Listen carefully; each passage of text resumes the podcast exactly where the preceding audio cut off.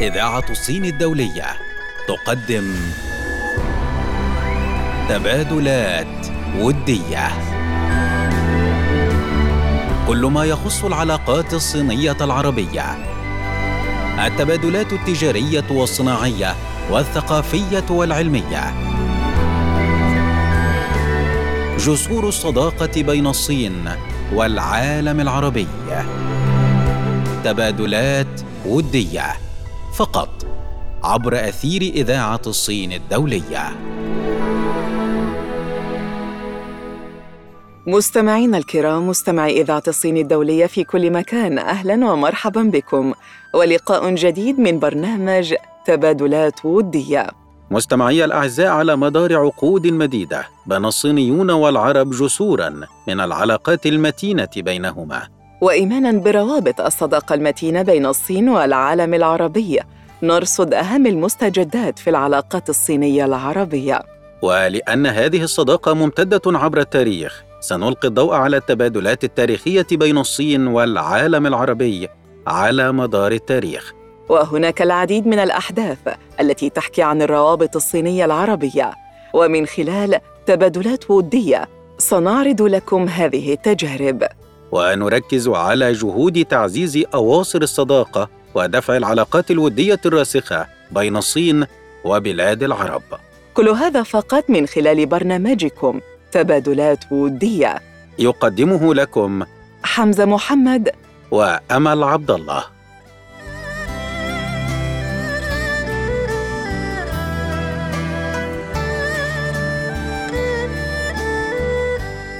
متابعينا الكرام مستمعي إذاعة الصين الدولية في كل أنحاء الوطن العربي. أهلا ومرحبا بكم وأولى فقرة برنامجكم تبادلات ودية. وخلال هذه الفقرة نتناول معكم مستمعينا الأعزاء تبادلا وديا هاما بين جمهورية الصين الشعبية وجمهورية مصر العربية في المجال المصرفي. قال معالي وزير المالية المصري الدكتور محمد معيط إن مصر تستهدف التعاون المشترك مع الجانب الصيني الشقيق لإصدار سندات مصرية باليوان والتي تعرف باسم سندات الباندا في السوق الصينية التي تعد ثاني أكبر سوق للسندات بالعالم بحسب بيان من وزارة المالية المصرية في بداية مايو الماضي. وأضاف معالي الوزير المصري خلال لقائه مع سعادة السفير الصيني لدى مصر لياو لي تشيانغ أن ذلك يسهم في تنويع مصادر وأدوات التمويل وجذب مستثمرين جدد لمصر ويساعد في خفض التكلفة وتنويع مصادر تمويل الاستثمارات التنموية. وأكد معاليها أن الصين شريك تجاري مهم لمصر وأن الحكومة المصرية حريصة على توسيع نطاق التعاون القائم بين البلدين الشقيقين ليشمل كافة المجالات المالية. وأعرب عن حرص الحكومة المصرية على تعزيز التبادل التجاري والعلاقات الاقتصادية والاستثمارات المشتركة في مختلف المجالات بما يتضمن نقل التكنولوجيا الحديثة. ويسهم في إطلاق قاعدة صناعية لإنتاج السيارات الكهربائية الصينية في مصر للاستفادة بالنهضة الصناعية الصينية. وأوضح أن العديد من العلاقات الوثيقة تربط بين البلدين في إطار من التقدير والاحترام المتبادل وأن هناك تنسيقا واسعا بينهما في العديد من المحافل الدولية. وأشار معالي الوزير إلى أن الإصلاح والتعاون الاقتصادي بين الصين ومصر ساعد كثيرا في تعزيز صلابة الاقتصاد المصري ومنحه القدرة على تجاوز التحديات وامتصاص الصدمات الاقتصادية التي فرضتها المتغيرات العالمية بسبب جائحة فيروس كورونا الجديد. وشدد على مضي الحكومة المصرية في تهيئة بيئة أعمال جاذبة للاستثمارات الصينية بمختلف أنواعها في شتى القطاعات التنموية. على نحو يسمح بزيادة التعاون المشترك مع الصين الشقيقه وهذا يسهم في تعزيز بنية الاقتصاد القومي المصري واستدامة معدلات النمو وتوفير فرص عمل جديدة وتحسين معيشة المواطنين والارتقاء بالخدمات المقدمة إليهم. وأعرب سعادة السفير الصيني عن تقديره لجهود الإصلاح الاقتصادي في مصر على نحو رائع. وأكد حرص الصين على زيادة التبادل التجاري وتعزيز العلاقات الاقتصادية والاستثمارية مع مصر وتوسيع سبل التعاون المشترك في مختلف المجالات. فصل قصير مستمعي الكرام يعود بعده لكم الزميل حمزة محمد فكونوا معنا.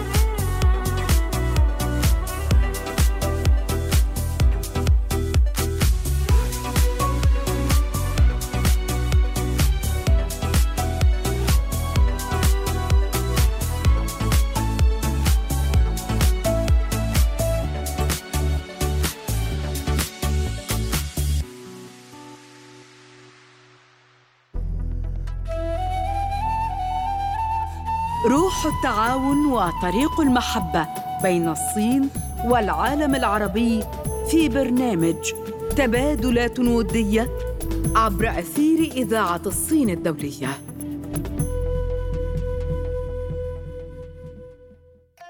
مستمعي الكرام مستمعي برنامج تبادلات ودية أهلا بكم. خلال فقرتنا نتناول مثالا حيا من شباب الصين الذين يساهمون في التنمية الخضراء بالسعودية. في السنوات الأخيرة عملت السعودية بنشاط كبير على تطوير موارد السياحة البحرية وساهم البناؤون الشباب من الصين في التنمية الخضراء بالسعودية ما أظهر مظهرا جديدا للبناء الصيني.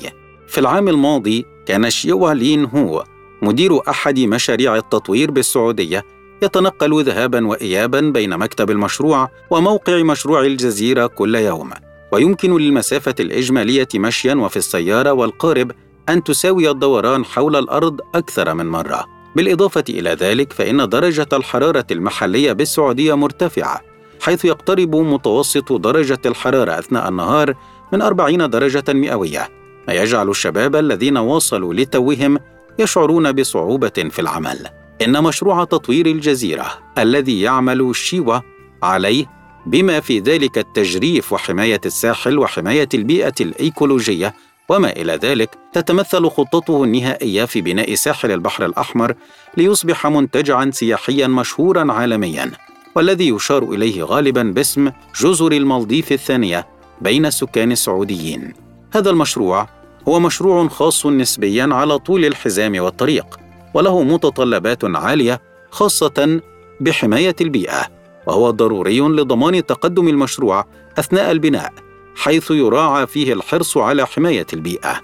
يقول شيوالين هو لدينا بالفعل خبرة غنية في عمليات التجديف والردم والصعوبة ليست كبيرة. أصعب شيء هو كيفية مراعاة معايير حماية البيئة العالية أثناء البناء. وتحقيقا لهذه الغاية نظم القائمون على المشروع فريقا صينيا من الشباب لدراسة وإتقان جميع القوانين واللوائح ذات الصلة لحماية البيئة في السعودية.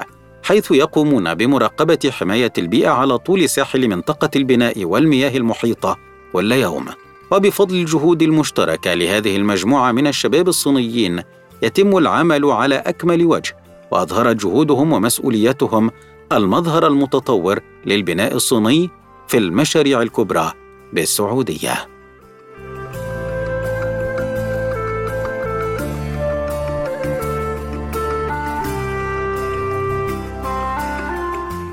ننتقل بكم مستمعي الأعزاء لتبادل مهم آخر بين الصين وليبيا في مجال العلاقات الدبلوماسية فقد قام وزير الاقتصاد والتجارة الليبي محمد الحويج بعقد اجتماع مع السفير الصيني لدى ليبيا وانغ تشيمين لبحث آلية عمل الشركات الصينية في ليبيا. كان الاجتماع بحضور كل من رئيس مجلس إدارة الهيئة الليبية العامة لتشجيع الاستثمار وشؤون الخصخصة جمال النوصيري والملحق التجاري بالسفارة الصينية في ليبيا. تمت مناقشة سير عمل الشركات الصينية في ليبيا واستكمال المشاريع الاستثمارية القائمة على تنفيذها، واستعراض خطة الحكومة في تطوير البنية التحتية. كما تمت مناقشة إنشاء موانئ ومطارات تسهم في تشجيع المستثمر الأجنبي لدخول السوق الليبي والمشاركة في الإعمار وتنفيذ مشاريع استثمارية بكافة القطاعات تحت إشراف الهيئة الليبية العامة لتشجيع الاستثمار وشؤون الخصخصة والجهات ذات العلاقة. بهذا مستمعي الأعزاء وصلنا لختام فقرتنا فاصل قصير تعود بعده أمل عبد الله بفقرة جديدة.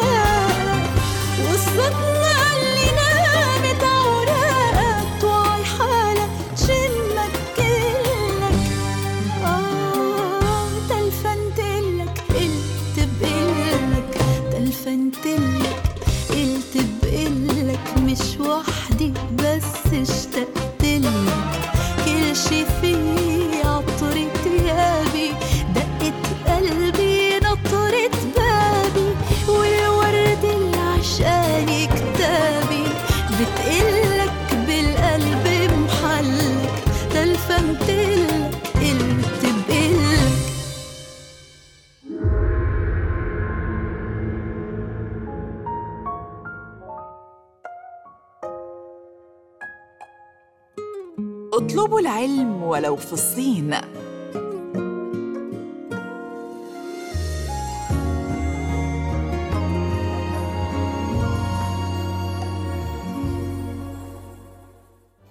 مستمعينا الأعزاء أهلا بكم من جديد وعودة إلى برنامجكم تبادلات ودية الذي يأتيكم عبر أثير إذاعة الصين الدولية. بحكم قوة وترابط العلاقات والتبادلات بين الصين والوطن العربي. كان هناك العديد من الأشخاص العرب الذين كانت لهم تجارب مختلفة في جمهورية الصين الشعبية وأيضا العديد من الصينيين الذين كانت لهم تجارب مختلفة في البلاد العربية. اختلفت هذه التجارب الشخصية وتنوعت فمنها الاقتصادية والاجتماعية والفنية والثقافية والفكرية والعلمية ولكن جميعها تدل على الأفاق المفتوحة والعلاقات القوية بين جمهورية الصين الشعبية والوطن العربي بشكل عام. ونحن معكم الآن وفقرة حكايات من الشرق وفيها نتعرف على تجربة الطالب العراقي محمد حامد في الدراسة بالصين. يقول محمد أتكلم الصينية بطلاقة وأعرف عادات وتقاليد الصينيين جيداً وأنا على معرفة تامة بمأكولات بكين ومواصلاتها. وأضاف قائلاً لقد ساعدتني دراستي في التعرف على الصين الجميلة.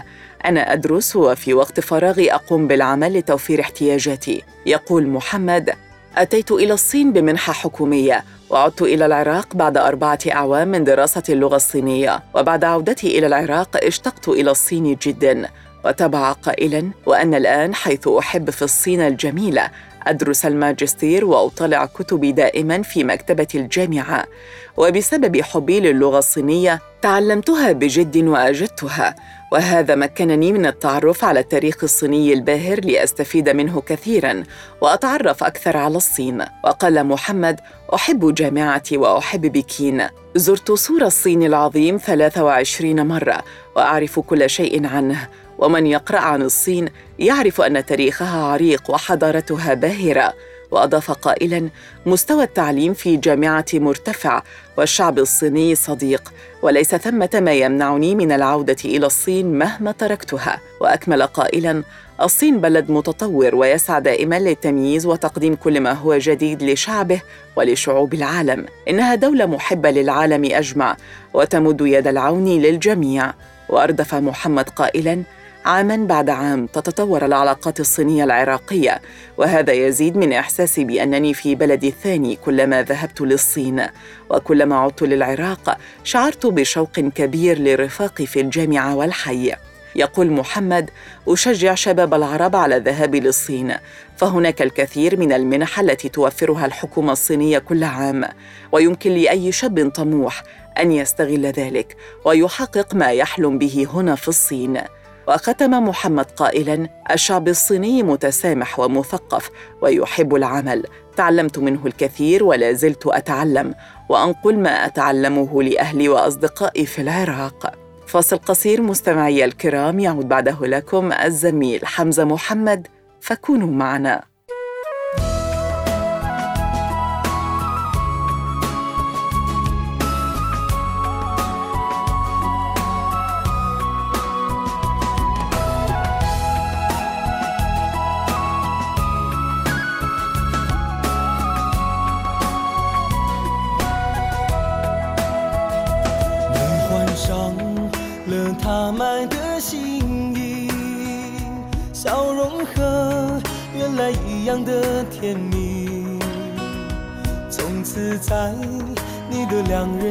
界里，有个人把我永远的代替。早该想到这样的结局，你想要的我无法给予。看你坐着小车潇洒远去，留下我独自淋湿在雨里。情的世界，无情的你，你把爱情当成金钱的交易，不再委曲求全挽留你，就让泪水冲去爱过的痕迹。回忆是折磨人的东西，想的太多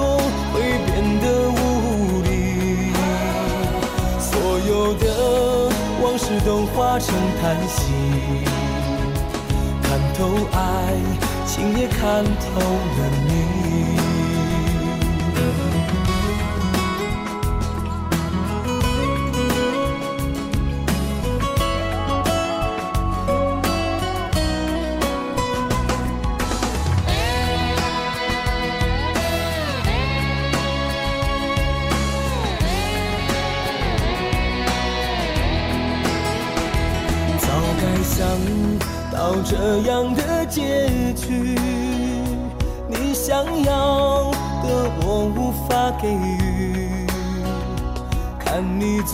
小车潇洒远去，留下我独自淋湿在雨里。无情的世界，无情的你，你把爱情当成金钱的交易。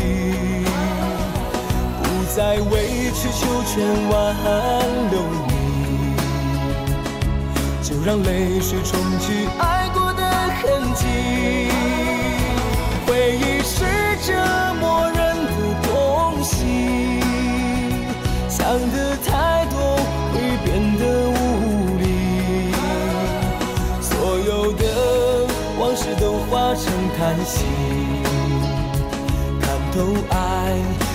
看透了你，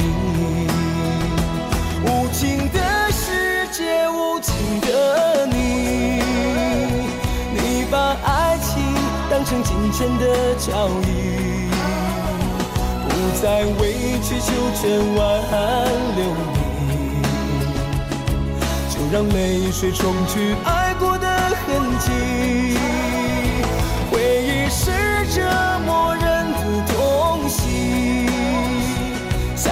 太多会变得无力，所有的往事都化成叹息。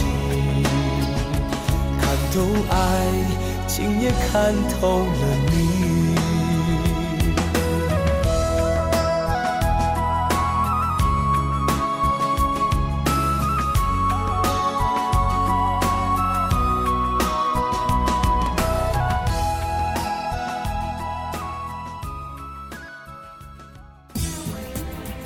إذاعة الصين الدولية دليل العالم إلى الشرق.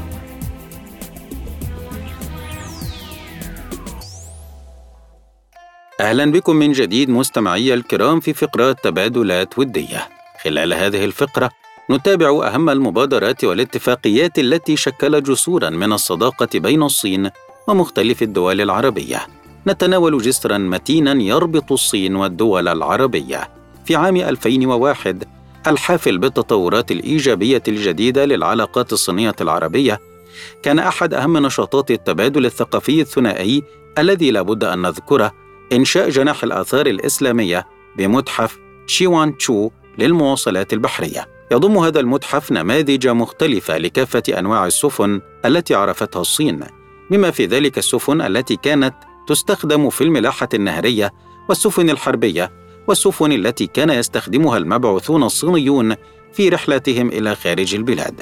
لعل أهم ما يلفت النظر في متحف تشيوان تشو تلك النخبة المتميزة من روائع الآثار الإسلامية العربية التي احتضنتها تشيوان تشو مدينة الزيتون كما سماها الرحالة العربي ابن بطوطة. لقد جاء العرب إلى تشيوان تشو حاملين معهم تجارتهم وأفكارهم وكانت مدينة الزيتون حينذاك مركز اجتذاب لكافة التجار من أنحاء العالم ليس للفرص التجارية الوافرة بها فحسب وإنما لجو الحرية الذي وفر بيئة تعايشت فيها مختلف العقائد بانسجام ووئام.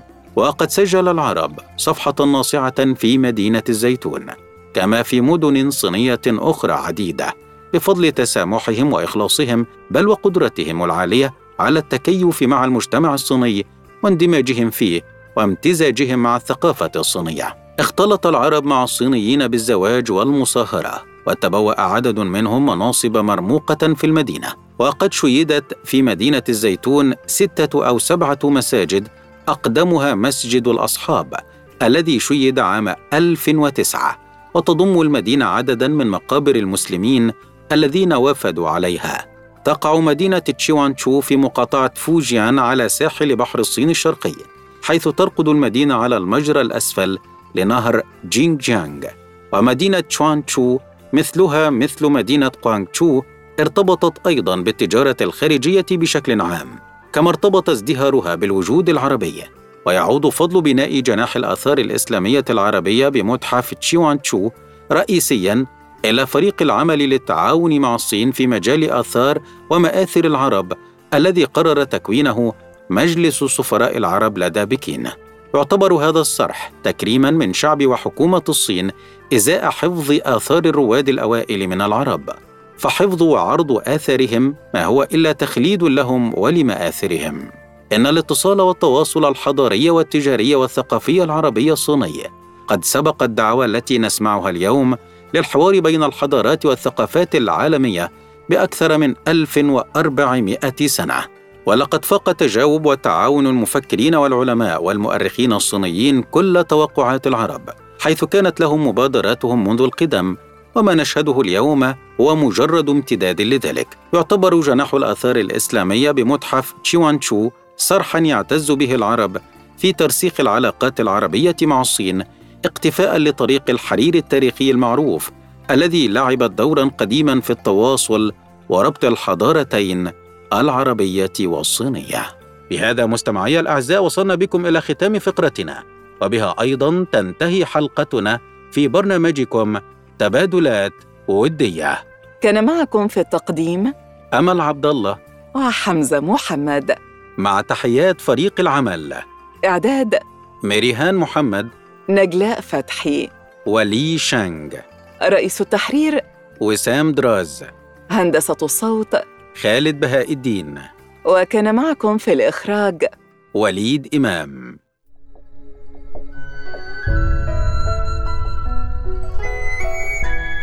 تبادلات ودية. جسور الصداقة بين الصين والعالم العربي. تبادلات ودية. كل ما يخص العلاقات الصينية العربية. تبادلات ودية. يأتيكم فقط عبر أثير إذاعة الصين الدولية.